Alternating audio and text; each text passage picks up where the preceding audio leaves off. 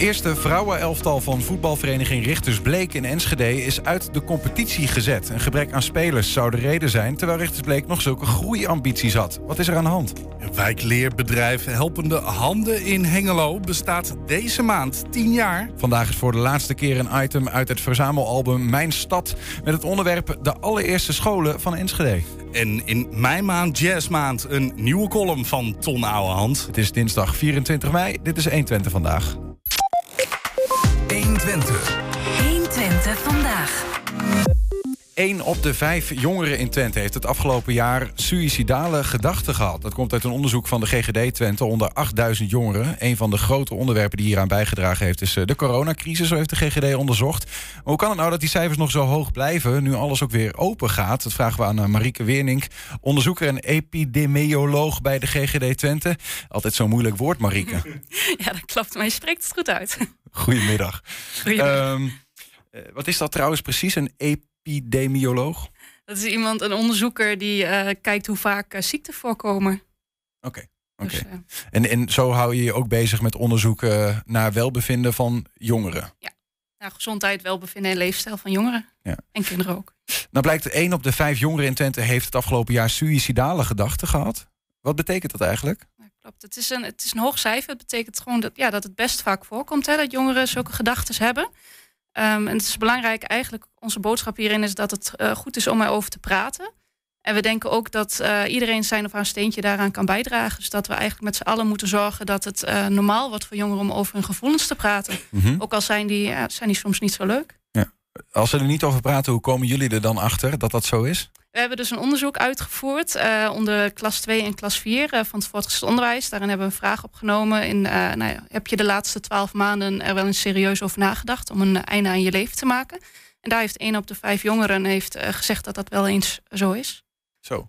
Dat is heftig. Ja. Vooral die leeftijdsgroep, klas 2 tot klas 4. Ja, dat zijn nog jonge kinderen eigenlijk. Want ja, even dat die zijn een jaar of 13. ja, tussen de 12 en de 15 jaar, of 15, 16. Ja. Is goed om ook even eh, meteen de, de, de, de, nou ja, in ieder geval de disclaimer te plaatsen. Of in ieder geval de tip te geven. Dat mocht je zelf eh, suïcidale gedachten hebben. Dat 113 altijd open staat voor een ge- gesprek. Eh, dat cijfer rolt eruit. Hoe eh, gaat zo'n onderzoek? Dan hebben jullie een reden gehad om op onderzoek uit te gaan. Of is het een soort van standaard procedure en deze vraag wordt altijd gesteld? het, het is een heel groot onderzoek wat we hebben gedaan. En dit is één van de vragen die we hebben gesteld. Eh, maar het onderzoek is veel breder. Dat gaat over gezondheid, leefstijl en welbevinden van jongeren. Mhm. Ehm, naast dat we die ene vraag hebben opgenomen over suïci- suïcidale gedachten, hebben we ook een, een heel groot lijstje waarin we psychosociale problemen kunnen eh, eh, bepalen of een jongere daar last van heeft. En daar zien we ook één op de vijf jongeren heeft daar last van. En dat kunnen zowel emotionele problemen zijn, dus jongeren die nou, depressieve gevoelens hebben, heel gauw angstig zijn. Aan de andere kant meer eh, problemen met gedrag. Dus uh, nou ja, zeer opstandig, driftbuien of meer agressief. Ehm, dat heeft ook één op de vijf jongeren. En nou ja, van die jongeren weten we dus ook dat zij er vaker over na hebben gedacht om een einde aan te maken aan hun leven. Kun je een vergelijking geven met hoe dat een aantal jaren terug was? Want hè, ik hoor ook dat coronacrisis eh, wordt opgevoerd als een mogelijke reden. Ja, dat klopt. Eh, we weten dat het nu één op vijf is. Ehm, maar we doen dit onderzoek dus al langer. En tussen 2015 en 2019 zagen we ook al een flinke verslecht- verslechtering. Eigenlijk als je dus in 2015 had 8% van de jongeren nog maar eh, ehm, een hoog risico op eh, psychosociale problemen. En nu is het dus 1 op 5. Dat komt op met 21% overeen. Wauw, Dus eh, dat, dat is, bijna een verdrievoudiging Ja. vanaf 2015. Ja, maar dat liep, En- tot aan 2019 liep dat al op. Ja, dat liep al op. Toen was er Dus- nog geen corona. Nee, precies. Dus ehm, we zien alleen, we zien dus dat het daarvoor ook al wat slechter ging met de jongeren. En tijdens de coronacrisis is het alleen nog maar verslechterd. Eh, ja. De verwachting is dan ook niet, eh, we zeggen dan, hè, ehm, omdat het die verslechtering al voor de corona- coronacrisis zagen, denken we nu ook niet dat nu alle coronamaatregelen niet meer eh, gelden, dat het zomaar ineens weer beter gaat. Eh, we vragen hier echt meer aandacht Ja. voor. We denken echt dat dat nodig is. En wa- wat was eh, voor de coronacrisis dan een van de grote redenen dat dat getal zo hoog opliep? Ja, dat, dat weet, het is met ons soort onderzoek dat lastig te achterhalen. Wat nou, en om naar één specifieke reden te wijzen. We, zien wel dat jongeren met een, met een verhoogd risico op die problemen, daar, die scoren vaak ook op een heel aantal andere onderwerpen wat slechter. Dus zij slapen slechter, ze vinden het minder leuk op school, ze hebben een slechtere band met hun ouders. Dus er zijn heel veel andere dingen waarop ze ook slechter scoren. En dat zijn eigenlijk allemaal kleine uh, dingetjes waar je misschien wat aan kunt doen. Maar het, het lijkt me lastig. Um, en ik weet, je moet me dan maar zeggen wat voor een rol de GGD daarin heeft of wil spelen. Mm Je, je zou toch willen weten waar komt dit nou vandaan? Hè? Om ook te kijken, kunnen we er samen iets aan doen? Um, ja, we zouden verdiepend onderzoek daarop kunnen doen. En uh, nou ja, als GGD zijn we natuurlijk, pakken we vooral de rol van preventie. En uh, we hebben nauwe contacten op school met, via onze jeugdarts. En we hebben ook gezonde schooladviseurs die dus uh, de, nou ja, de, de mensen op school proberen te helpen. Wat kun je nou het beste doen als je jongeren hebt met mentale problemen? Of wat kun je doen aan preventie? Ja. En we proberen daarin bijvoorbeeld ook de gemeentes mee te nemen. En we hebben ook wel een nauw contact met, met andere, um, nou ja, misschien die meer aan de aan de, um, nou ja, de mediant bijvoorbeeld, hè, die helpen om, om het weer um, ja, beter te maken. Als het, als het zover is dat je het toch eh, probeert op te lossen aan de achterkant in plaats van aan de voorkant, wat preventie Wij als GGD zitten vooral hopen aan de voorkant te zitten. En, uh, ja. nou, ik, ik wilde de, niet, niet te, te zwartgallig zijn, maar als, als, als een cijfer vanaf 2015 verdrievoudigt, dan lukt dat niet heel goed. Nee, en daarom vragen we echt daar opnieuw weer extra aandacht voor nu. Uh, vorig jaar kwam het ook uit ons onderzoek naar buiten, maar ja. Um, ja dit jaar weer. Dus we vragen er opnieuw aandacht voor. Ja. En waar vraag je dan precies aandacht voor? Uh, dat, nou ja, eigenlijk dat voor een veiliger klimaat waarin jongeren, waar het eigenlijk normaal wordt voor jongeren om over hun gevoelens te praten. Want dat is de oplossing? Ik denk dat daar wel een deel van de oplossing zit. Dat dat normaal wordt en dat een jongere zich veilig voelt, genoeg voelt om over gevoelens te praten, ook, ook als die minder fijn zijn. Mm -hmm. um, ja, ja, met het praten over je gevoelens wordt je situatie soms niet anders. Hè? Als, als bijvoorbeeld die thuissituatie juist zorgt voor stress of eventuele corona-lockdown. Nou, daarom denk ik wel ook dat het hele kringetje rondom een jongere heen. Hè, het, uh, misschien niet, als je niet een goede band hebt met je ouders, is er misschien wel uh, een vertrouwenspersoon op school waar jij mee kunt, uh, kunt praten. Of iemand anders in je familie. Dus ik denk ook dat iedereen om de jongeren heen mm. hierin zijn of haar steentje kan bijdragen. Ja. Wanneer, want nu is het 1 op de 5, hè? 21 procent hoor ik je zeggen. Dat is meer dan 1 op de 5 ja, zelfs. meer dan 1 op de 5. Um, wanneer is het vorige onderzoek gehouden? Is er een sprong gemaakt ineens? En nou, we, zeg, tussen 2015 en 2019 was het uh, van 8 naar 12 procent. Ja. Vorig jaar was het 15 procent en nu is het 21 procent. Dus het is ook tijdens de coronacrisis echt wel weer uh, ja. verder verslechterd. Nog in 6 procentpunten erbij op, zeg maar. Precies. Ja. Wat, wat, wat uh, ja, wat voel je als je die cijfers ziet, joh? Wat ik, ik, zou echt van mijn stoel vallen bijna. Nou ja, dat, dat is ook wel waarom ik hier zit en waarom wij uh, gisteren met, uh, met andere media ook hebben gezeten. Om gewoon echt meer aandacht hiervoor te vragen. Ja. Ja, en we weten dan misschien niet 1, 2, 3 wat uh, een interventie, je moet allemaal dit doen of je moet allemaal dat doen. Maar we willen in ieder geval dat er meer aandacht voor komt. Ja. Maar durven jullie de, mm, de uitspraak aan dat het door de coronacrisis komt? Want je, je, het is een verspringing van 6% ten opzichte van, nou, niet helemaal pre-corona, maar het is mm. sterk opgelopen in coronatijd. Ja. Maar ja, dat wil, ja, als echte onderzoeker ga je dat natuurlijk niet meteen concluderen, nee, denk ik. Nee, nee, we doen niet dat soort onderzoek. Dat het per se. We weten dat het afgelopen jaar is het verslechterd. En het afgelopen jaar was er, waren er veel coronamaatregelen die gelden en die het leven van een jongere uh, toch wel beperkten. Mm -hmm. Um, dus dat zal invloed hebben gehad, ongetwijfeld. Maar hoe, hoe groot die invloed is geweest, ja, dat, dat, dat is met het soort onderzoek dat wij doen uh, niet zo 1, 2, 3 te achterhalen. Wat kun je zeggen over andere leeftijdsgroepen? Want ik weet bijvoorbeeld, uh, wat jullie ook hebben uitgezocht, is onder de jongere kinderen. Uh, en die, die leeftijdsgroep moet je me even schuldig blijven. Ja, Wat is 0 het? tot 12 jaar. 0 tot 12. Kindermonitor, ja. Is het, gaat het best prima? Ik noem even, ja. 92% zit lekker in zijn of haar vel. 97% is volgens de ouders, volgens de ouders vaak zeer gelukkig. Ja, klopt. Uh, we zien eigenlijk uh, juist heel veel positieve ontwikkelingen in die uh, leeftijdsgroep. minder kinderen worden gepest. Ze spelen vaak elke dag buiten. En ook op het gebied van suikerhoudende drankjes. Dus zoete drankjes drinken. Ze drinken het minder. En als ze drinken, drinken ze minder veel. En ze drinken juist vaker water of thee uh, dat is suiker. positief wat de GGD dat is, betreft. Dat is heel positief. Het zijn mooie leefstijlontwikkelingen. En uh, we zien ook dat uh, meer kinderen opgroeien in een rookvrij huis. Dus Um, dat was, uh, als je het, uh, dit kindermonitor hebben we in 2013 en 2017 ook gedaan. Ja. Um, dus dat, uh, in 2013 was dat nog 12% bijvoorbeeld en nu is dat nog maar 4%. Dus we zien daar gewoon mooie ontwikkelingen. Ja. Maar wat en, hebben kinderen dat jongeren van in klas 2 tot 4, hè, van 12 tot 15 niet hebben dan? Ja, ja, ik denk dat je het echt over een andere levensfase hebt dan. Kinderen is misschien nog heel beschermend, hè, is klein en dat, dat is hun wereld. Hè, school misschien en uh, jongeren die zitten in een levensfase waarin, uh, waarin ze hun plekje op de wereld proberen te ontdekken en in de maatschappij. En hebben daar ook ehm, nou ja, anderen voor nodig om te zien wie ze zijn en, en, en waar, ze, waar ze horen. En dat was natuurlijk door de coronamaatregelen uh, was dat vrij beperkt. Hè? Om, om buiten jezelf, buiten je gezin en buiten school ja. op zoek te gaan naar jezelf. Hoor ik toch een, een, zoektocht wel naar een, uh, naar een verklaring? Ja, ja, ja dat is de, wij speculeren natuurlijk ook een beetje op onze resultaten. Maar ja. um, ik, denk, ik denk dat dat het grote verschil is tussen kinderen en jongeren. Jongeren zitten echt in een andere levensfase waar ze toch meer uh, ja, buiten hunzelf um, of nou ja, andere mensen nodig hebben om te dekken wie ze zijn. En dat was gewoon uh, toch beperkt door de coronamaatregelen. Onderzoeken jullie ook 15-plussers?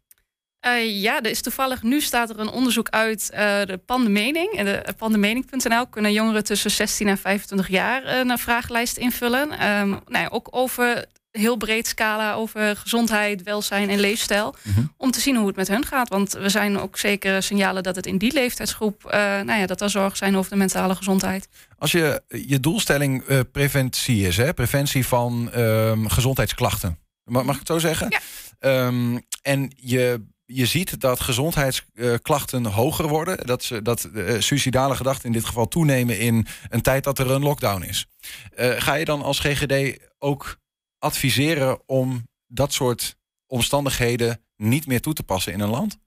Oh, dat zou ik niet zo 1, 2, 3. Uh, die, die, maatregelen zijn met, met reden toegenomen. En um, ja, ik, wat we zeggen, wij doen niet dat soort onderzoek dat we, dat we kunnen zeggen dat het nou door die maatregelen. Uh... Maar je, je voelt dat je preventie is je verantwoordelijkheid. En, ja. en, en uh, preventie zou ook kunnen betekenen het weghalen van, van ja. ja middelen die zorgen voor die suicidale gedachten. Mm -hmm.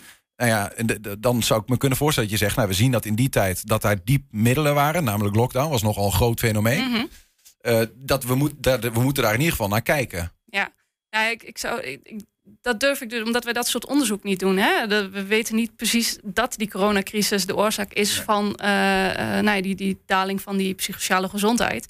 Dus uh, dat, dat soort uitspraken zou ik niet heel stellig. ik kan me voorstellen, maar ik kan me wel voorstellen dat je in ieder geval. de, ik snap dat, maar mm -hmm. de, dat je in ieder geval de, um, de aanbeveling geeft naar een overheid.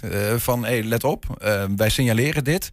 En um, neem het mee in de afwegingen. Want eh, het is niet gezegd dat corona het land helemaal uit is. Nee, zeker niet. Nee. En dat is ook de reden waarom we dit onderzoek natuurlijk doen. Hè. We doen dit niet als GGD alleen. We doen dit met alle GGD in Nederland. En die resultaten worden ook op landelijk niveau teruggekoppeld aan het ministerie. Dus het komt ook zeker op die plekken wel ja, terecht. Ja, ja. En, uh, ja, en dat is dan de politieke afweging die gemaakt wordt. Uh, ja. Is er nog een vervolg op dit, uh, dit, dit specifieke onderzoek? Of is deze monitor gewoon nu gedaan en komt die volgend jaar weer terug? Nee, ja, dat is normaal. Uh, normaal doen we één keer in de vier jaar deze monitors. Oké, okay, ja. En, uh, dat, uh, we hebben dus nu vorig jaar een extra onderzoek gedaan, dit jaar een extra onderzoek. En eigenlijk staat hij op de rol voor 2023, dus volgend jaar niet. En dan hopen we over twee, nou ja, over twee jaar te kunnen zeggen dat het beter gaat. Uh, hebt niet zoiets van nou, deze ontwikkelingen zo ernstig dat we misschien wel uh, toch ook volgend jaar nog weer een vinger aan de pols moeten houden om te kijken wat er speelt. Ja, nou, vorig jaar hebben wij als GGD uh, Twente zelf gezegd: wij vinden het belangrijk om die ontwikkelingen te volgen. Waarbij als GGD Twente zelf dat onderzoek opnieuw uitgevoerd. Dit jaar doen we dat met financiering van het VWS, omdat zij hebben gezegd van we vinden dit zo belangrijk om dit elke twee jaar te monitoren. Mm -hmm. En dus in principe dus in 2023, ja, 23 ja. pas weer. Ja. Ik hoop dat het beter wordt. Ik hoop ja, het ook. Maar volgens mij uh, hopen we dat allemaal. Uh, ja. Dank in ieder geval voor jullie werk in, uh, in deze. En dank ook voor je uitleg hier aan tafel. Ja. Marieke Weerning hoorde je van de GGD. Het eerste vrouwenelftal van voetbalvereniging Richters Bleek is in Enschede is uit de competitie gezet. Een gebrek aan spelers zou de reden zijn, terwijl Richters Bleek nog zulke groeiambities had. Wat is er aan de hand? Dat zometeen. We zijn ook als podcast te luisteren. 120 vandaag en 120 vandaag uitgelicht op alle bekende platforms. 120. 120 vandaag. Ja, wooncorporatie Welbions kocht drie panden in de Hengeloze binnenstad en renoveerde die voor gebruik door creatieve ondernemers. Zij huren deze panden om er te wonen en te werken. Dit om leegstand tegen te gaan en de panden toch een aantrekkelijke invulling te geven. Kunstenaar Lara Vos is een van die ondernemers.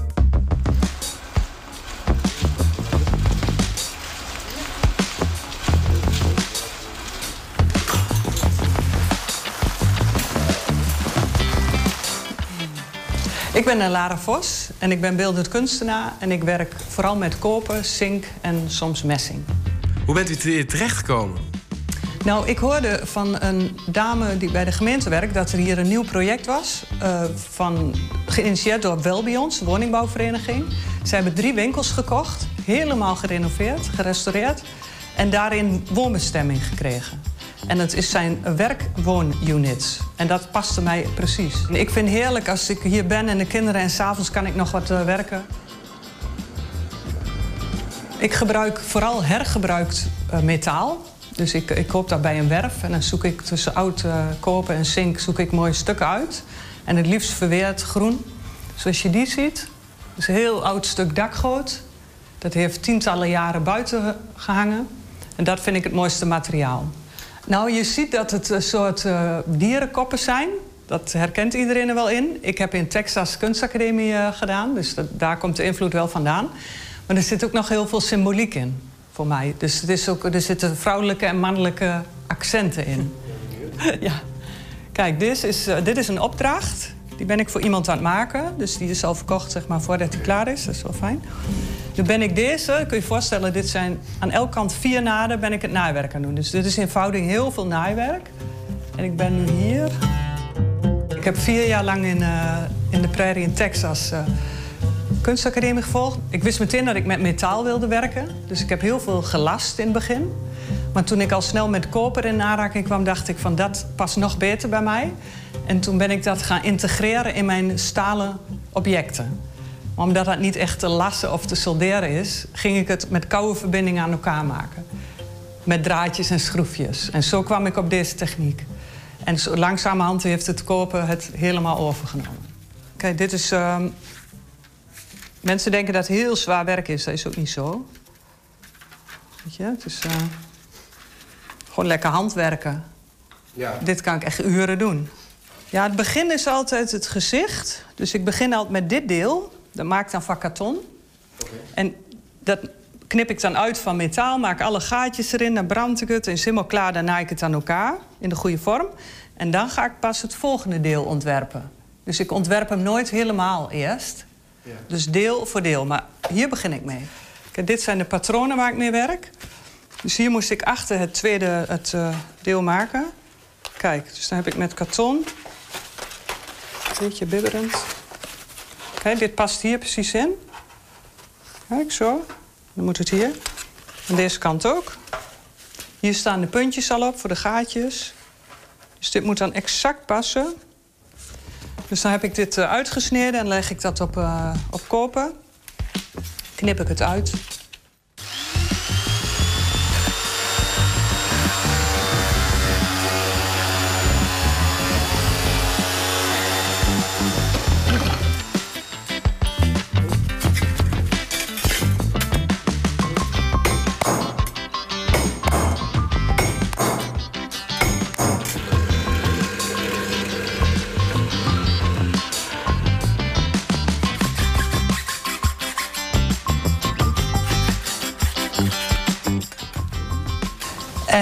In de binnenstad is fantastisch leven. Ja. Ook het uitgaan, alles is vlakbij. Dus dat vind ik wel geweldig. Ik moet zeggen dat mijn leven altijd alle wonderlijke kanten op gaat. Maar ik wil voorlopig hier zeker blijven, ja. Straks voor de laatste keer een item uit het verzamelalbum Mijn Stad... met het onderwerp de allereerste scholen van Enschede. 120. 120 vandaag. Helaas is voor ons de competitie eerder dan verwacht tot een einde gekomen. Dat schrijft het eerste vrouwenelftal van Enschedeze voetbalvereniging Richters Bleek afgelopen vrijdagavond op Facebook.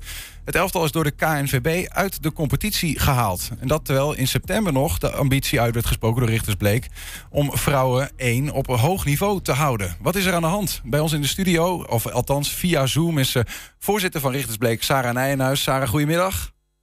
Goedemiddag. Even om de context te schetsen. Hè. Vrouwen 1 Richters Bleek speelt landelijk in de eerste klasse. Dat is op twee na hoogste amateurniveau van Nederland. En even ter vergelijking, andere clubs in Enschede spelen allemaal twee of drie klassen lager. En in de omgeving ook werd er geen eerste klasse gespeeld. Dus Richters Bleek is een soort of het walhalla van het amateurvrouwenvoetbal in Enschede. Um, en, en dan dit, hè, die, die Facebook-post. De competitie is eerder dan verwacht tot een einde gekomen voor de vrouwen. Um, de vraag is, waarom eigenlijk? Nou ja, um, hoe spijtig ook. Want dat is uiteindelijk wel eventjes uh, aan de voorkant. Waarom eigenlijk? We hebben gewoon te maken met het feit... Hè, wij speelden als Bleek op hoog niveau. We hebben dat jaren ook mogen doen. Um, maar je ziet een verandering in de samenleving. Je ziet een verandering in de samenstelling van uh, het team. Je ziet een verandering in wat doet leeftijd met je. De groep wordt steeds jonger. veel blessures. We hebben geen massa. Dus je hebt ook niet echt een, een, een pool om uit te putten. Ja, en als de spoeling heel erg dun wordt en je mist een aantal uh, wedstrijden, dan is de KNVB uh, onverbiddelijk. En dan gaat er eigenlijk een soort van streep door. Ja, dat is eigenlijk een beetje de, de korte klap. Ja, dus er zijn een aantal wedstrijden door um, Richtersbleek afgezegd. En dan is de KNVB, uh, die haalt je eruit. Dat is de reden ja. geweest. Nou ja, weet je, de, voordat je uh, op dat punt uitkomt, ben je natuurlijk wel ook hè, kijken naar dit seizoen. Uh, en het seizoen hiervoor ook. Uh, best druk met, met het team. In de zin van, doen we de goede dingen? Hebben we de juiste trainers op het, op het team staan? wat vraagt dit team? En als ik kijk naar een aantal jaren terug, waarbij um, ook de aantrekkingskracht van meisjes, hè, meidenvoetbal, vrouwenvoetbal, waarin de KNVB heel erg ook uh, een stimulerende werking had. Ja, die missen wij nu ook. En, um, ja, en als, als vereniging sta je dus daarvoor eigenlijk alleen aan de lat. En dan is het zoeken naar wie kan je aan je club binden, wie mm-hmm. komt in het team, hoe is de samenstelling. En als ik terugkijk ook naar de voorgaande jaren, dan hadden wij echt vooral veel meer balans in het team als het ging om leeftijd. Dan had je de, de oudere garde, die uh, als het ware de jongeren gaan onder de armen nam. En wij hadden nu ook een team, ja, gemiddelde leeftijd 19. Ja, ja, dat ja. is natuurlijk ook lastig. In, in alles, hè? fysiek, maar Ja. ook uh, de keuzes die ze moeten maken, waar ze mee bezig zijn. En dan kan je dat heel lang uitzingen. Maar ja, gaandeweg aan het eind uh, kom je een beetje in, in een vacuüm terecht waar wij in zijn terechtgekomen. Ja, nou ja, goed, je, je stipt het al even aan. Een aantal jaren geleden uh, speelden er nog oud-FC Twente-spelers uh, bij het eerste vrouwenelftal. Uh, nou ja, ja. werd al gezegd, hè, het, een van de hoogste uh, amateurniveaus. Um, toen, was het toen ook al een soort van uh, ja, sluimerend iets gaande dat er steeds minder uh, vrouwen in dat eerste elftal te krijgen waren? Of was er toen nog niks aan de hand? Wat is er gebeurd? Laat ik zo vragen. Nou ja, kijk, weet je wat ik ook aanstip? Op een gegeven moment, op het je hoort ook vanuit de KNVB, uh, ze roepen eigenlijk al jaren van het heeft een, uh, een aanzuigende werking en het vrouwenvoetbal, dat zou eigenlijk hè, de vrouwensport uh, één moeten worden. Maar met alleen roepen kom je er niet. Dus dat is denk ik ook wel een beetje lastig. Voor ons is het ook heel lastig als je op hoog niveau speelt, hè, gezien als amateurvereniging. Onze meiden moesten ook eigenlijk het hele land door. En als je uh, 18, 17, 18, 19 bent en je bent een hele zondag weg. Mm-hmm. Uh, je moet er veel voor doen. Hè, als het gaat om een aantal trainingen in de week. Je moet er heel veel voor laten. Ja, ergens, uh, en je bent fysiek bijvoorbeeld nog niet helemaal uh, nou ja, uh, sterk genoeg. Ja. Dat dat wel de aanslagen op, op iemands leven. En, en, wat wij echt hebben gemerkt is. Um, ja, ook kijkend naar wat, wat, wat we in de regio hebben. Wij hebben natuurlijk, iedereen is ergens mee bezig. En het vrouwenvoetbal zien we overal. Want ik zie het ook al gewoon in onze regionen. Uh, toen de tijd had ik uh, rondleiding met nieuwe ouders. En dan zag je op een woensdagmiddag... had je bijvoorbeeld de 10, 15 nieuwe kinderen die zich hadden aangemeld... waarvan er 4, 5, 6 meisjes uh, aanwezig waren. Als ik nu kijk naar de rondleidingen, ook na... en tijdens corona kon het sowieso niet... Mm-hmm. dan, dan is er soms één. En dan denken wij, oh wat leuk, er komt weer een, een, een jonge meid bij ons spelen. Maar ja. ja, daarmee vul je geen team. We hebben gewoon geen massa. Maar het, ja, zijn, de, zijn de jonge meiden uh, veranderd dat ze niet meer uh, willen voetballen? Of uh, wat je noemde al even, KNVB, zou die meer moeten aansturen op? Want op deze manier, kijk, ik denk een beetje als, als Richtersbleek, vrouwen 1, um, ja, nu niet meer voetbalt, um, dan. Dan, dat, dat, dat zegt iets over het vrouwenvoetbal in Enschede, misschien wel in de regio, en wat voor een leven dat er mogelijk beschoren is. Of ga ik dan te snel? Nou ja, luister, weet je, dat is voor ons ook wel een, hele lastige geweest. Want op het moment dat je op dat punt komt, dan. Kijk, wij zitten al uh, weken, maanden uh, met een soort knoop in onze maag. En, en hè, ondernoemen van waar gaat dit naartoe? En daar waar je dan uiteindelijk de, de KNVB om een, om een advies vraagt. En zij uiteindelijk ja, met niet meer dan een boete komen, want uiteindelijk krijg je boete op boete. Nou, dat is uiteindelijk ook zwaar. Ja, je hebt het dan over boete omdat je, niet, omdat je sommige wedstrijden afzegt. Daar krijg je een boete voor. Ja. En uiteindelijk als je uit de competitie wordt gehaald... komt daar nog eens een flinke som bovenop. Ja. Hoeveel is Nou dat ja, overigens? Waar gaat het over dan? Sorry? Waar gaat het dan over? Wat voor Nou, bedragen? Nou, tuurlijk mag je dat vragen. Ik bedoel, dat zijn geen geheimen. De, de boetes eh, kunnen oplopen van 1000 tot 6000 euro eh, eh, voor eh, iets wat, eh, wat uiteindelijk een, eh, een vereniging wordt aangerekend. En dan kan je dat gaan aanvechten. Nou hebben wij, dat werd ons ook zo uitgelegd, nog de mazzel dat wij, eh, dat wij op 1500 krijgen. Mhm. Ja, zeg het maar. Als je het met elkaar eh, wil oplossen of als je elkaar daarin nodig hebt. En dit is dan uiteindelijk het antwoord, dan is die ook wel zuur. Ja, dat voelt als een, als, Dus een, die, als een extra schop na eigenlijk. Je, wordt eigenlijk. je voelt je weinig gesteund door de KNVB in het, ja, het op peil hou- houden van het vrouwenvoetbal. En als je dan niet meer verder kunt, dan word je op deze manier nageschopt. Zo voelt het? Of? Ja, tuurlijk. Ja. Zo voelt dat. Ja. En, en weet je, een, een, een wedstrijd missen is al 300 euro. Weet je wel? Dus, dus de, in alles zit er een soort eh, financieel plaatje achter. En wij hebben ook gesprekken gevoerd met, eh, met andere verenigingen in, eh, in de omgeving. En, en daar merk je ook ehm, welke klasse je dan ook zit hoor. Maar ook de strijd van, goh, hebben wij eh, genoeg speelsters? Eh, houden wij dit vol? Gaat dit goed komen? Ja. We hebben ook intern eens gedacht van misschien is er voor de, voor de regio Twente of Overijssel eh, te veel clubs die iets aanbieden. Mhm. En ja, bij ons is dan uiteindelijk nou ja, niet geëscaleerd, maar gestopt op de manier zoals het gestopt. Ja, We zijn ja. gewoon uit de competitie gehaald. Hoe, Sarah, Ja. hoe, hoe betaal je dat eigenlijk? Zo'n, zo'n, want het zijn best wel bedragen. Hoe, hoe doen jullie dat? Ja, hoe doe je dat? Uiteindelijk eh, eh, moet je het ergens vandaan halen. Dus het is en contributie en dat is eh, kantineomzet. En ja, zeg het maar. Ja, want ik, ik, ik stel het ook omdat ik denk, het is, het is ook voor de club dan, als, als dat uit clubmiddelen moet komen, een enorme demotivatie om überhaupt nog aan een seizoen te beginnen. Nee, dus dat, weet je, dus dat is dan ook wel een, een, een zorg. Kijk, heel simpel gezegd, als je op een bepaald niveau voetbalt, ehm, wat heel gaaf is, een club moet altijd bijleggen. Dus dat, dat ik bedoel, iemand betaalt contributie, maar voor het jaarbedrag wat je, wat je krijgt, kan je niet dat doen wat wij doen. Aan het faciliteren van eh, eh, trainers die je moet betalen, noem het maar op. Dus alles wat er extra bij komt, ja, dat betekent een tandje erbij aan de andere kant. En eh daar moeten we met z'n allen dus uiteindelijk heel hard voor werken. Dus Ja. dat maakt het ook wel extra zuur. Ja. En Kijk, we hebben een systeem met rode en gele kaarten, omdat daar zit gewoon iets heel eh, dwars en naast achter. Dus als je een rode kaart krijgt, zitten ook boetes aan verbonden. Mhm. Dan betaal je die zelf. Of als team moet je daar iets in, eh, in betekenen. Maar ja, eh, dit soort bedragen, dat- is uiteindelijk een, een heel lastig verhaal. En Ja, dat kun je ook bijna niet verhalen. Lijkt me op, die- als die meiden die zijn max 21. eh, dat lijkt me ja, sowieso. Wat kunnen zij eraan doen? De- ja, denk ik toch? ja, nou ja, dat is ook het, eh, de, het uitgangspunt. En je- En je kan allerlei dingen gaan verhalen op elkaar. Maar ja, dat is hetzelfde als of van een kale kip, kip kun je niet plukken. Of ja, wie zijn schuld is het? Ja, dan zit je in die discussie. En daar moet je uiteindelijk ook ver Ja. van weg blijven. En dan Nee. moet je uiteindelijk ook wel... ja, of de eer aan jezelf houden vind ik niet het goede woord. Maar je moet het met elkaar gaan oplossen. Niet per se de schuld, niet per se de schuld. Vraag maar wel een beetje kijken naar. Hè, want je, je, je hebt een paar keer al de, de KNVB eh, genoemd. Ehm, toch kijken naar oplossingen, zeg maar. Want het gaat uiteindelijk om, je, je noemde het woord massa, dat er genoeg vrouwen zijn in het, in het amateurvoetbal om de teams gevuld eh, te houden. Dat, dat is eigenlijk praktisch gezegd waar het om gaat. Ehm, Ja. eh, eh, eh, hebben jullie daarin de afgelopen jaren genoeg gedaan? Kijk je wel eens als bestuur ook introspectie van, ja, eh, hebben we genoeg gedaan? Ja, tuurlijk kijk je, kijk je altijd weer terug en kijk je naar wat, wat is er nodig. En probeer je daarin ook eh, een aanzuigende werking te krijgen met de juiste trainers. Hè? Want dat, dat merk je ook wel.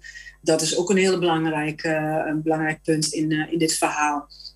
En naar buiten toe ehm, ben ik altijd van mening geweest dat ik het heel belangrijk vind dat er, hè, je, je ziet heel veel binnen vereniging dat de verschillen te groot zijn. Dus wat de, de, de mannen krijgen en wat de vrouwen krijgen. Dus de Mhm. mannen hebben dan de mooiste ballen en de vrouwen dan de minder ballen.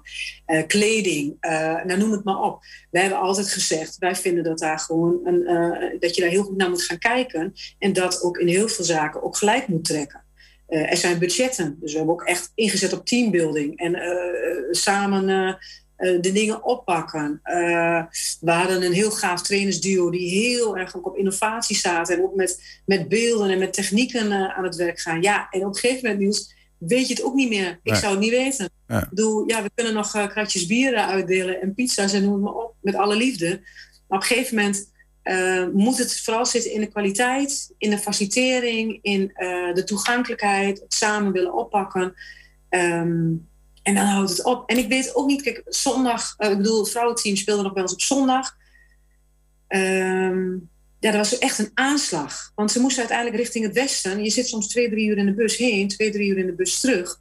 En ook voor een trainer, als je je team niet compleet hebt, en, uh, ja, is, is bijna geen doen. Het is bijna. Ik, ik vind het. Ja vond het ook wel knap. Nou ja, eh, eh, dan, dan, dan is wel de vraag een beetje... Kijk, als, als jullie als club zeggen van... ja, we hebben echt geprobeerd om, uh, om, om, het, om het aantrekkelijk te krijgen... voor, voor meiden om bij ons te voetballen. Um, en het, het lukt niet. Wat is dan de vraag... Wat, wat zou de KNVB, wat zou kunnen gedaan worden om te zorgen dat uh, vrouwenvoetbal blijvende is? En, en ook op, jullie, op het niveau waarop jullie gespeeld hebben, op dat hoge niveau. Mm ja, weet je, daarvoor moet je met elkaar in gesprek. En dat gesprek is er niet. Uh, is, uh, Tussen de KNVB en, en clubs bedoel je? Ja, bijvoorbeeld. Ja, want wij hebben natuurlijk hè, eh, met de KNVB samen hebben wij onze uh, momenten waarin je al terugkijkend, vooruitkijkend dingen kan aandragen. En er zijn een aantal punten die wij ook stelselmatig hebben aangedragen. Dat is uiteindelijk het vrijwilligersstukje. Waar hebben wij dat bij de Bleek natuurlijk uh, mooi opgelost in, uh, in, in, nou ja, in de zaak hoe wij dat aan vorm hebben gegeven. En het vrouwenvoetbal. En dat is eigenlijk een terugkerend onderwerp geweest van de afgelopen jaren. En dat is niet alleen door uh, de bleek aangedragen in de persoon zoals ik dat kan doen, mm-hmm. maar ook in andere collega-voorzitters uit de regio. Ja. En dat geldt van, van dorpen tot aan de, de, steden. Um, en ik denk dat, want ik had bijvoorbeeld vorige week had ik ook nog een, uh, een, een, voorzitter uh, aan de lijn van een, uh, vanuit de dorpen. En die zegt van ja, wij hebben nog de mazzel dat, um, dat het vooral ook nog een, een soort van aangelegenheid is van het dorp. Dus de vrouwen die dan al voetballen en die zich ook prettig voelen in zo'n dorp, omdat daar ongeveer de halve familie rondloopt, hou je de binding veel meer als dat wij in de stad. Ja, ja. Heb je, heb je getwijfeld uh, in het begin van dit jaar om überhaupt met de vrouwen van start uh, te gaan, wetende dat een eventuele uitval van wedstrijden of zelfs van, uh, vanuit het hele team, van de competitie, wat er nu is gebeurd, dat dat een geldboete zou opleveren bijvoorbeeld?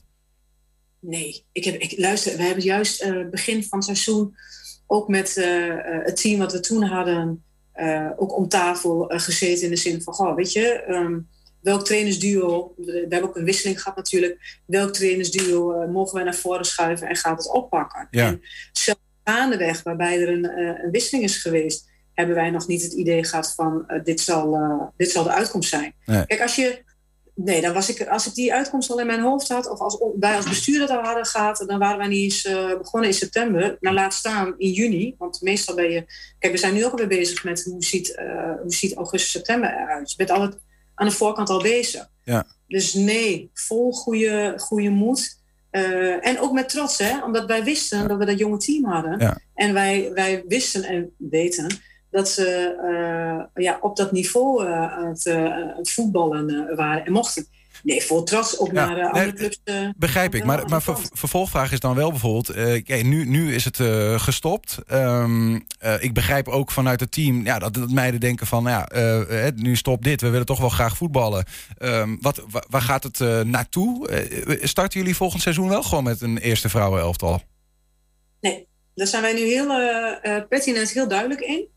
Um, daarin hebben we ook met, uh, met de trainers uh, gesproken. Wij starten niet met een, een, een vrouwenelftal, vrouwen 1. Um, ehm, en wat wij nu ook doen, en daar zijn de contacten natuurlijk ook in, nou ja, goed, in, in de regio al over. Mm-hmm. Wij proberen ook dames te begeleiden naar wat dichter bij huis. Want we hadden natuurlijk ook veel dames die uiteindelijk niet uit Enschede kwamen. Hè? Dus die kwamen natuurlijk ook vanuit andere plekken. Dus wij proberen het gewoon op die manier te begeleiden. En wat ik wel merk is de, de, de dames die, eh, die er met hart en ziel voor eh, gaan en willen gaan, die hebben hun plek eh, wel aardig gevonden. En, en de rest kan uiteindelijk altijd nog een beroep op ons doen. Maar nee, de, de insteek van wij starten nu, daar is denk ik nu eventjes geen is wel heftig, hè? Ja, weet je wel, toch. Heel heftig. Ja, weet je, jullie, wat ik al zei, toch een soort van het, het vrouwenvoetbal Walhalla binnen de amateurklasse in Enschede. Als, als, als, als dat niet lukt, ja, wat, wat, wat zegt dat dan? Ja, maar, Niels, ja, maar Niels, weet je wat heel erg lastig is? Je kan uiteindelijk aan, uh, hè, we zeggen toch altijd, aan een, aan een doorpaard blijven trekken. En, en daarbij heb je ook hulp nodig. Dus in je eentje lukt het niet. En als het gewoon niet, als het niet van de grond komt, als het niet kan, als, er, als de omstandigheden daaromheen zo zijn geweest zoals die zijn geweest, ja, dan moet je uiteindelijk ook de eer uh, aan jezelf houden. Maar ook voor de dames en ook voor de trainers en ook voor de club. Dat we zeggen, oké, dan is dit het niet voor nu.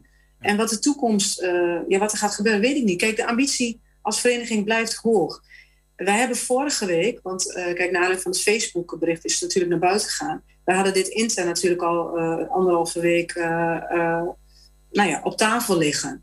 Dan, dan ben je drukker met de, de randzaken en de randvoorwaarden en de, de dingen die op je afkomen. En uiteindelijk, hè, het ligt ook gelijk dan ook op ieders tafel. Dus de, de reacties daarop zijn natuurlijk ook talrijk geweest. Ja, het is echt een stukje, het klinkt raar, maar uh. Het ja. voelt gek. Je hebt een knoop in je maag. En, ja. Maar meer kun je er op dit moment niet van maken dan... Um, ja, hierin hebben wij... Uh, moeten ons verlies nemen. Het, moet ook, het moet ook landen en, en, en, en kijken wat dan inderdaad uh, mogelijkheden zijn om, uh, om het weer om de klap op te vangen en misschien ooit als een phoenix te herreizen, kan ik me zo voorstellen.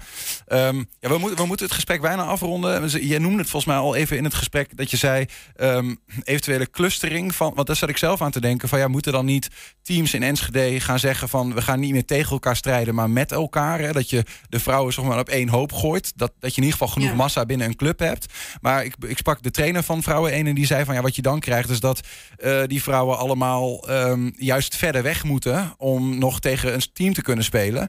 En daar zitten ze ook niet op te wachten. Dus het is wel een beetje, voelt een beetje schaakmat bijna dan.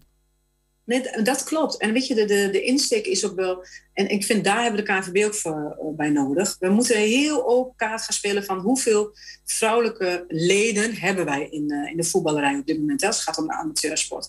Dus hoeveel hebben wij? Waar zitten ze? Bij welke club zitten ze? En, en die clubs, hoe moeilijk hebben die het? En kun je clusteren of kun je dat juist niet? Maar uiteindelijk, want wat wij hebben meegemaakt met uh, een aantal wedstrijden niet kunnen spelen, hebben meerdere clubs. Dus wij zijn niet de, de, eerste en ook niet de laatste. Nee. Daarvoor heb je de KVB ook nodig van. Maak dat inzichtelijk. En één ding, Niels, wij hebben het nu meegemaakt, we doen het al jaren. Uh, wat je niet gunt is dat je jonge meiden zondagochtend al vroeg in de bus of op zaterdagochtend in de bus en s'avonds laat weer terug uh, thuis hebt. Dat doet iets met je. Dat doet iets als je net in de bloei van je leven zit, nog met een studie ja. uh, zicht op werk. Dat hebben we ook gezien bij die jonge vrouwen, die uiteindelijk ook de volgende stap willen gaan maken. In de hè, midden twintig, maar zelfs op een gegeven moment hadden wij ook hè, de oudspelers van Twente, die waren al richting 30. Die gaan een andere fase in. Ja, die willen gewoon dicht bij huis spelen. Het zou mooi zijn. Ja, maar, dan is er dus wel genoeg spelers nodig om tegen elkaar te kunnen spelen in de regio. Kortom, um, ja, meer vrouwen bij de voetbalclub. dat is, uh... Wij geven elke, wij geven elke, elke uh, meisje wat geboren wordt, vindt dat de KVB gewoon een bal moet sturen. ja. Maar mocht je. Nee, maar je, er moet wat gebeuren. Maar wat op dit moment. Uh, ja. Als ik het ei van Columbus zou hebben gehad, had ik het met je gedeeld. Ja. Maar wij, wij laten het in ieder geval nog niet los in de zin van meedenken, meepraten en de KVB aan tafel vragen en eisen. Ja. maar voor nu zitten wij nog even in die anderhalve week waarbij. nou, het is wel een klap, ja. eerlijk wezen. En die zijn we nog niet te boven. Maar Ra ra rauw, rauwen is het voor nu. Sterkte daarmee. Komt goed. Alleen, dan hebben we wel aanstaande zaterdag hopelijk nog iets te vieren. Want Heren 1 wordt kampioen. En de GE, waar ik heel trots op ben.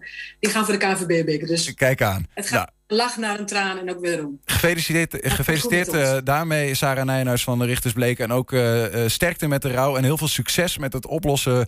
Nou ja, in ieder geval het, het vrouwenvoetbal in Enschede als een phoenix laten herreizen. En misschien ook wel bij Richtersbleek.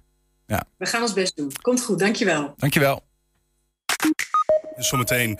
Wijkleerbedrijf Helpende Handen Hengelo bestaat deze maand 10 jaar. Ja, het samenwerkingsverband werd in 2012 opgezet op verzoek van het ROC van Twente... dat geen stageplekken kon vinden voor leerlingen in de zorg. 120. 120 vandaag. Bij de Jumbo kun je tot het einde van deze maand plaatjes sparen voor een verzamelalbum over de Enschedese geschiedenis. Het boek staat vol met feitjes over de stad, zodat je tijdens het plakken meteen meer te weten komt over hoe Enschede er vroeger uitzag. En dat leek ons een leuk idee om een aantal onderwerpen uit het boek iets meer te belichten. Met vandaag de allereerste scholen van de stad. In het Jumbo Star-album staan verschillende verhalen over de geschiedenis van Enschede. En vandaag gaan we het hebben over de totstandkoming van het onderwijs in Enschede. En ik ben heel erg benieuwd wat de Enschedeërs daarvan weten. Ken jij uh, de aardappellenvakantie? De wat? De aardappellenvakantie. Dat je naar Nederland op vakantie gaat? Nee, dat is niet dat je naar Nederland op vakantie Nou, dan ken ik het niet. Nee? Ken jij de aardappellenvakantie? Nee, Doe schokje, wat denk je dat is? Aardappellenvakantie? Ja? Weet ik niet, iets met uh, aardappelen. Wat, wat denk jij? Nee, ik heb echt geen idee. Ik zou het echt niet weten. De hele 19e eeuw was er geen leerplicht.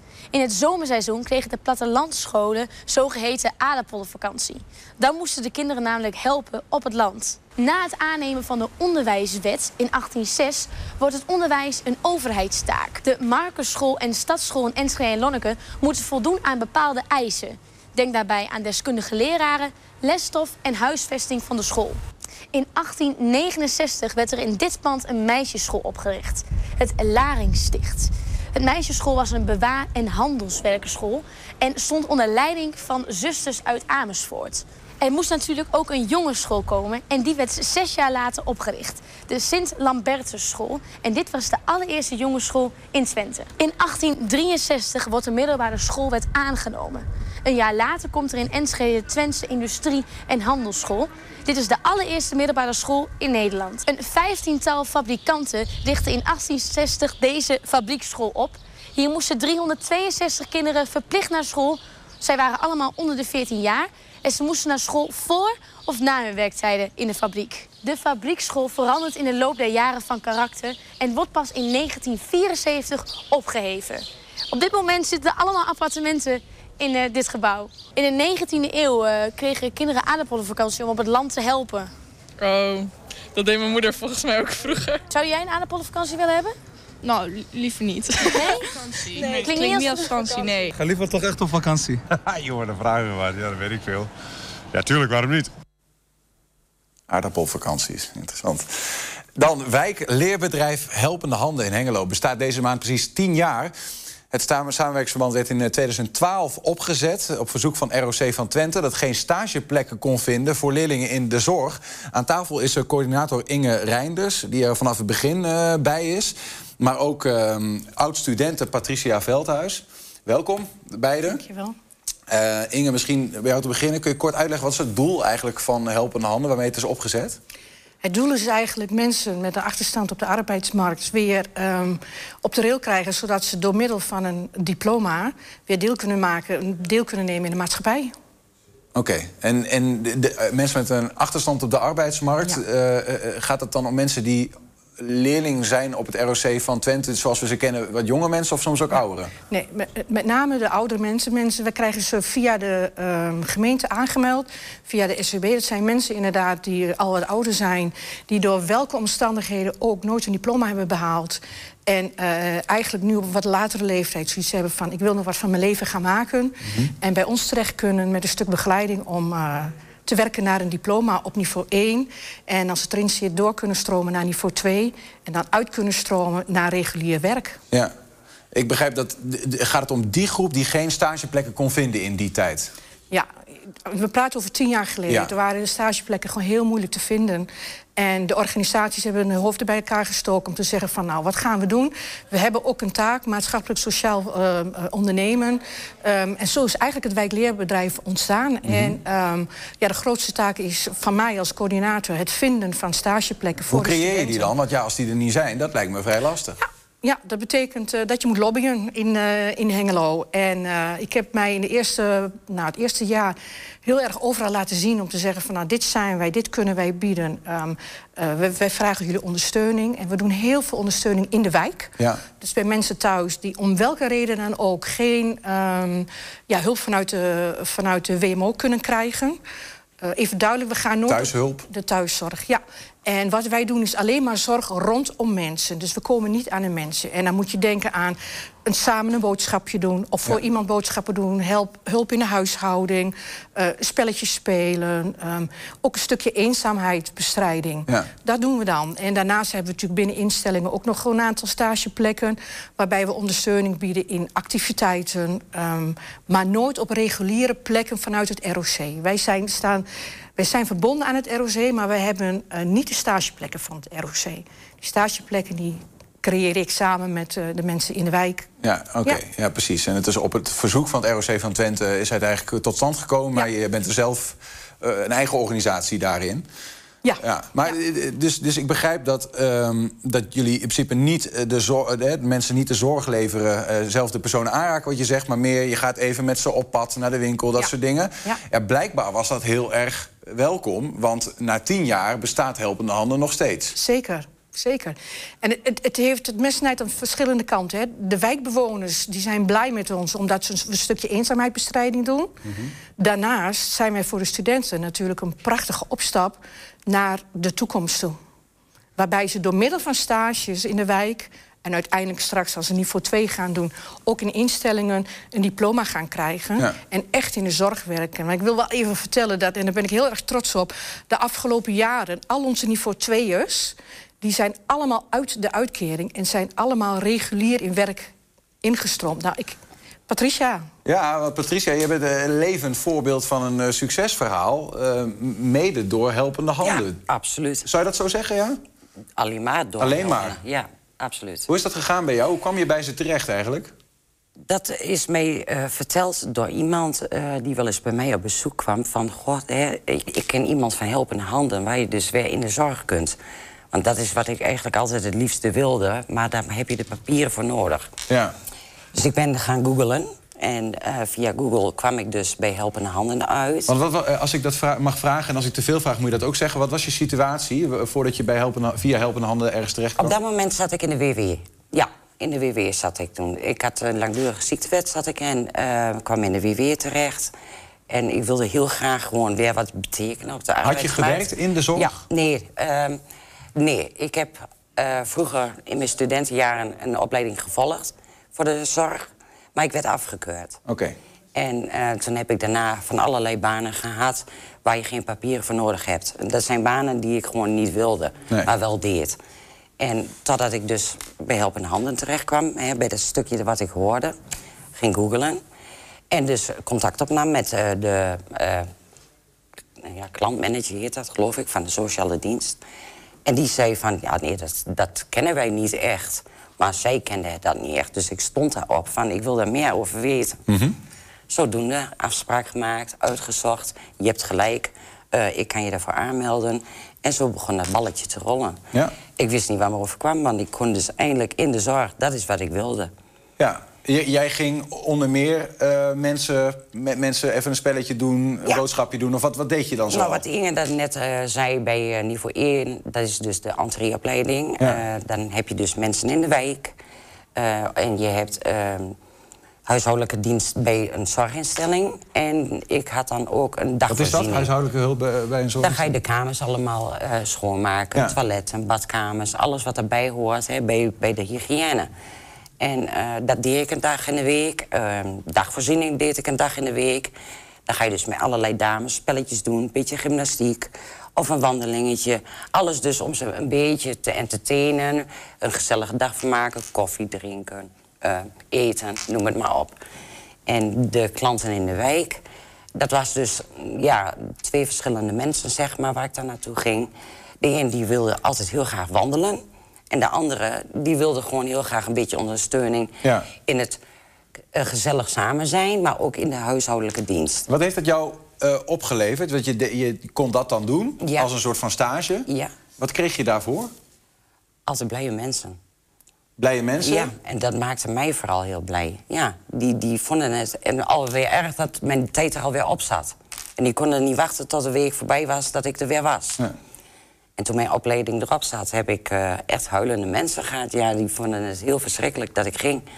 Maar, dan- en dan krijgt ook eh, naast, want dat is natuurlijk waar je het voor doet uiteindelijk. Ja. Maar ja, je wilde ook graag in de zorg gaan werken. Ja. Dan zul je uiteindelijk die papieren nodig hebben. Ja, ik, eh, ik heb niveau 1 behaald dan. En dan kreeg je de diploma-uitreiking. Dat was allemaal geweldig. En dan ga je je aanmelden voor niveau 2. Je wilt een stapje hoger op. Je wilt de echte zorg. En dat was mijn doel. Ja. En eh, ik heb ook gezegd, ik wil het liefst gewoon in een instelling. Gewoon intramuraal. Nou, en daar heeft Inge dus voor gezorgd dat ik eh, intramuraal kon eh, gaan werken. Dat, En dat dan- betekent intramuraal? in een zorginstelling ben je dan. En dan heb ik gekozen voor een afdeling PG. Dat is voor dementerende ouderen. En dat was mijn wens en daar heeft Inge aan voldaan. Dat- Ja. Dus Maar en, en nu loop je die stage bij niveau 2? Of Daar heb ik stage gelopen en ik ben direct na mijn opleiding daar aangenomen. Dus ik werk daar nog steeds. Kijk, Ja. jij bent een van die eh, mensen waar Inge het over heeft. Ja. eh, vanuit de WW gewoon nu aan het werk. Niveau 2. Ja. En een, een helpende hand geworden, Ja, letterlijk. absoluut. Ja. Gelukkige mens ook. Ja, ja, heel gelukkig. Want dit is waar ik, waar ik gewoon eh, altijd van gedroomd heb. Dit is wat ik wilde. Hoeveel mensen zoals Patricia, eh, Inge, zijn, zijn, zijn er? Hoeveel heb je er kunnen helpen de afgelopen tien jaar? Nou, ik denk, we hebben... eh, om, om eventjes eh, een- Ja. een, een opstartje te geven... we hebben een prachtig boekje uitgebracht.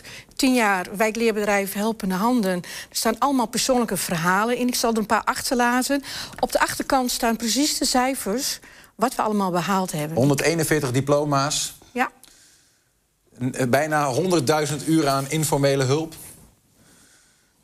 4,5 miljoen euro maatschappelijk rendement. Dat is nog wel een interessante trouwens. Het heeft dus geld opgeleverd. ja. Want je zou verwachten van ja, daar moet je heel veel in investeren, dus dat kost geld. Hoe, hoe kan zoiets geld opleveren uiteindelijk? Nou ja, de mensen die wij eh, in de wijk bezoeken... die hadden anders WMO-zorg gehad. En dat kost natuurlijk geld. En in dit geval hoefde dat niet, want wij kwamen. Dus eh, het mes snijdt aan, beide, aan meerdere kanten. De student is erbij gebaat, de opleiding is erbij gebaat... maar de, klant in de wijk, ehm, wij allemaal. En als je dat inderdaad... eh, we hebben mensen die dat allemaal al prima kunnen uitrekenen... Mhm. die hebben dat gewoon berekend over tien jaar. En dan zijn dit de harde cijfers. Ja, ja. Ah, geweldig joh. En wat ik eigenlijk ook nog even wil aanvullen... Hè, eh, ten aanzien van, eh, van eh, ehm, mijn stagiaire, wat het was, maar dat is niet meer. Ze gaat niet voor drie doen Ja. vanaf september. Kijk eens. Ja. Er ook weer een nieuwe stagetraject in dus. Ja, dan, dan word ik een leerling van het bedrijf waar ik dan voor werk, zeg maar. En eh, dan kan ik gewoon ook daar... eh, Dus dat is niet meer via helpende handen, nee, maar... nee, nee, ik ben op contract van Carint en, en van daaruit ga ik dan ook de opleiding volgen. Ja. Dus dat is een stapje hoger op. Wat ja. is je, wat is je, heb je, ja, is de sky the limit? Wat wil je eigenlijk? Heb je een einddoel voor jezelf? Of ga je gewoon straks weer niveau 4 en eh HBOV, Nou, weet ik wel wat je allemaal wil? Niveau 3 vind ik voldoende. Ja. Ja. Ja, dat vind ik voldoende. Ja.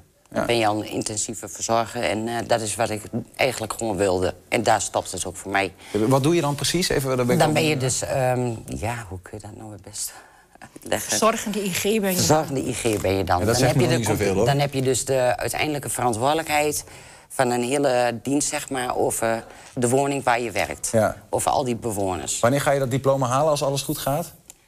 Nou, ik moet nog eerst starten met de opleiding. Maar goed, we, we hebben dromen. Hoe hebben lang droom. duurt zo'n traject ongeveer? Dat is eigenlijk de vraag. Eh, heel eerlijk gezegd, ik weet het niet precies Nee. hoe lang dat Nee. duurt. Tweeënhalf jaar Ja. ongeveer. Tweeënhalf jaar ongeveer en Ja. dan eh, niveau 3 Ja. in de pocket. Ja, ik heb gelezen, er werd gesproken in, in zoveel uur school, zoveel uur eh, werk en noem maar op. In, in jaar heb ik het niet uitgerekend. Had je dat ooit kunnen dromen toen je op een gegeven moment thuis zat? Nee, nee. Want als ik niet had geweten dat dit bestond... had ik gewoon nog steeds allerlei baantjes gehad wat ik niet wilde. Ja. Maar wel deed. Mooi. Jij blij, maatschappij blij, Ja. ouderen Zeker. blij. Zeker. Ehm, tot slot, Inge, voor jou. Ehm, eh, Patricia zit over drie jaar eh, gewoon met een niveau 3 eh, diploma in de handen. Eh, over tien jaar bestaat Helpende Handen dan nog steeds? Absoluut. Ga je nog weer verder ontwikkelen? Zijn er nog plannen? Altijd. We hebben in deze afgelopen tien jaar hebben we ons natuurlijk ook ontwikkeld. Want we zijn eigenlijk van een nulpunt gestart waar we nu staan. We zijn het langslopende wijkleerbedrijf in Nederland. En dat hebben we dus inderdaad afgelopen week ook gevierd. En ehm, we kunnen niet meer zonder. De gemeente is heel blij met ons. Wij ook heel blij met de gemeente hoor. Want die biedt natuurlijk studenten, voor mij dan de studenten, de kans om zich te ontwikkelen. Ja. En wat ze gewoon zien is dat ze in twee jaar van zittend op de bank. ehm, ik wil niet generaliseren, maar weinig, weinig zelfvertrouwen, ehm, laag zelfbeeld, zich ontplooien tot mensen die zeggen van ik doe ertoe. Mooi. En dat is het meest belangrijke wat wij vinden. Mooi, fijn. Ja. Ehm, gefeliciteerd met 10 jaar. Dankjewel. Gefeliciteerd met je niveau 2 diploma. Succes met niveau 3. En eh, op naar eh, nog eens 10 jaar helpende handen. Zeker weten. Absoluut. Dankjewel. Ja, heb je een tip voor de redactie? Mail dat dan naar info.120.nl 120. 120 vandaag. Ja, en dan is het alweer, want het is mei maand. Dat is jazzmaand. Is, is het weer jazzmaand? Is jazzmaand, ja. Jongen, jongen, jongen. Nou, hij zal er waarschijnlijk ook wel een column aan gewijd hebben. Dit is de column van Tom Ouwehand. Ik moet nog even terugkomen op mijn column van de vorige keer. Daar heb ik jazzbassist Wim Esset verkeerd geciteerd. Dat Harry Banning achter en volgens Koos Riese en hem vergeefs had gevraagd bassist te worden in het tv-programma De Film van Ome Willem, dat kon wel kloppen, zei hij. Dat hij in de tor speelde toen er ineens een steen door het raam werd gegooid, was ook waar gebeurd. Maar over zijn collega Koos Riese had Wim Esset alleen maar willen opmerken dat hij niet opkeek van diens nierproblemen, omdat hij Koos kende als iemand die te weinig vocht tot zich nam.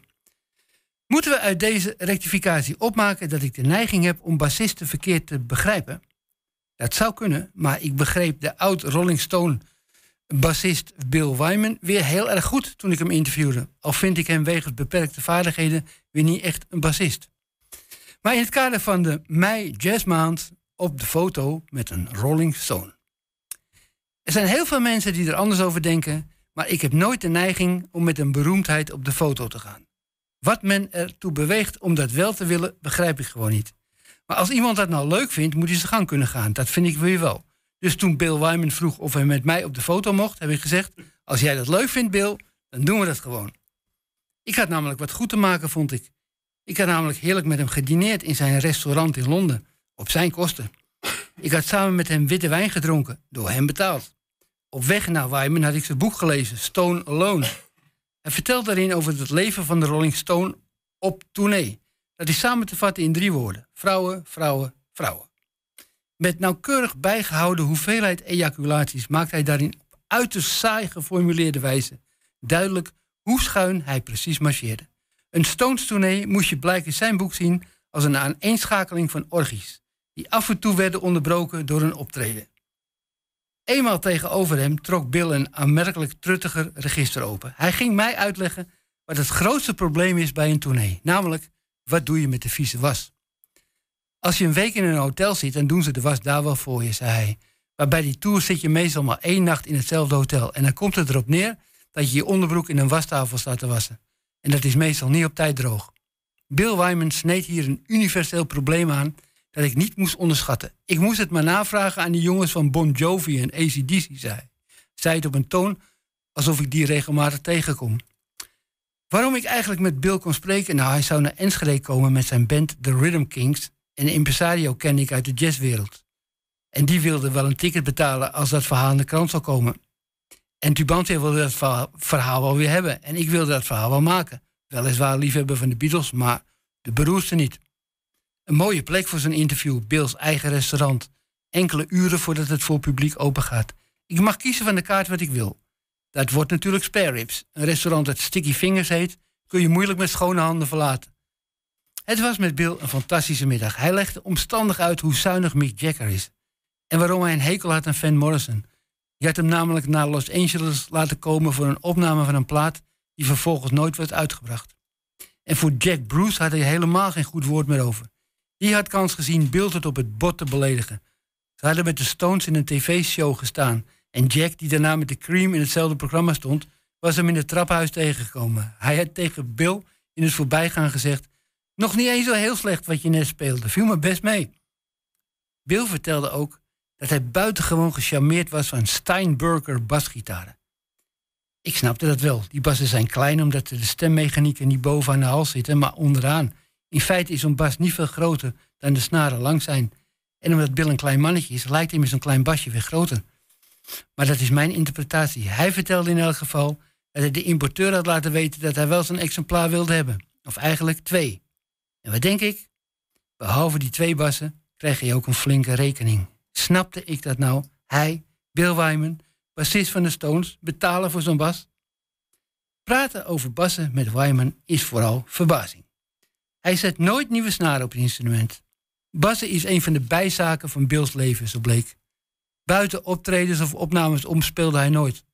En omdat we het toch zo gezellig over bassen hadden, vroeg ik meteen maar eens hoe hij over zijn opvolger dacht, dacht Daryl Jones.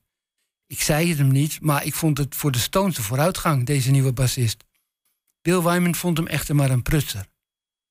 Bill Wyman die negatief oordeelt over Daryl Jones. Dat was voor mij alsof Lil Kleine zegt dat W.F. Hermans niet kan schrijven.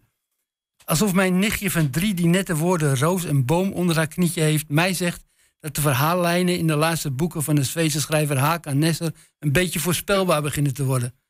Maar goed, toen dat fotomomentje. Ik had een digitale camera bij me. Als ik hem nou even op de foto mocht zetten, vroeg ik, dan kon dat in de krant worden gebruikt als een klein inzetje bij een grote foto van Bill met de Stones. Nou, dat ging dus niet door. Een foto van hem, dat had hij echt eerder moeten weten. Dan had hij zijn haar geverfd.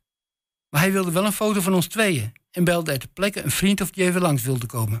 Ik dacht, ach, als je dat nou leuk vindt, doe het niet moeilijk. Ook al is mijn haar ook niet geverfd. Bill en ik hebben geposeerd. Ik denk alleen niet dat hij nog wat met die foto gedaan heeft, want die foto is met mijn camera gemaakt en die heb ik daar niet laten liggen. Eh, even, even noot voor de redactie. Mocht Bill Wyman na het horen van deze column nog opmerkingen hebben, laat het maar weten, dan zet ik dat recht in jazzmaand juni. De column van Ton Ouwehand. Ton, hartstikke bedankt. Ja, daarmee sluiten wij ook 120 vandaag af. Terugkijken, dat kan direct via 120.nl. Vanavond om 8 en 10 zijn we ook op televisie te zien. Zometeen kun je hier op de radio gaan genieten van Henk Ketting met zijn kettingreactie. Veel plezier. 120. Weet wat er speelt In Twente.